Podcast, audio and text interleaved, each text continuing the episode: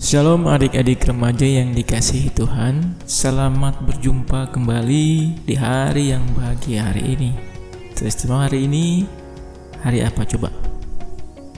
Valentine Oke okay.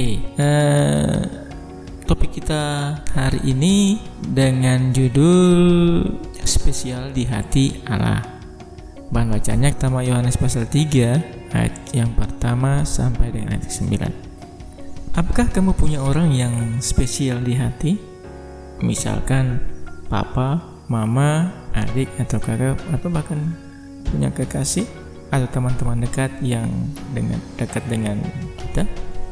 Biasanya ada hal-hal tertentu yang ada di dalam diri mereka yang menjadikannya spesial di hati kita, bukan?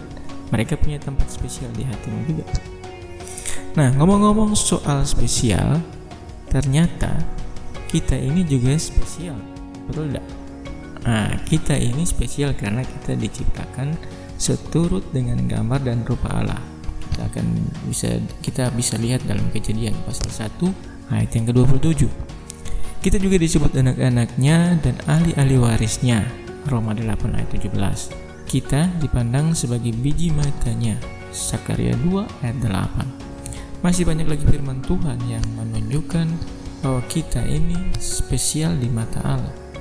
Sebagai ciptaan yang spesial di mata Allah, harusnya ada juga hal-hal spesial yang kita lakukan supaya Allah bangga memiliki kita. Kita harus bisa menunjukkan identitas kita sebagai anak-anak Allah. Nah, identitas seperti apa yang dimaksud? Seperti yang tertulis dalam pertama Yohanes 3 ayat 1 9, yaitu hidup dalam kesucian di ayat yang ketiga, tidak lagi melakukan dosa di ayat yang keenam, melakukan kebenaran di ayat ketujuh. Apakah kita sedang menunjukkan hal-hal ini dalam hidup kita dengan sungguh?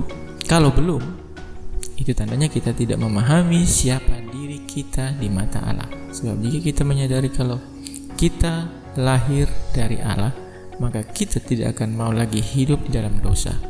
Saat kita hidup taat dan setia seperti yang Allah perintahkan, Allah akan bangga memiliki anak-anak seperti kita dan iblis pun tidak akan berkutik. Nah, sobat remaja, apakah kamu mau memiliki tempat spesial di hati Allah? Jika ya, mulailah ambil komitmen dengan sungguh-sungguh untuk menyenangkan Tuhan melalui ketaatan dan kesetiaan kita setiap hari. Oke, selamat merenung. Shalom.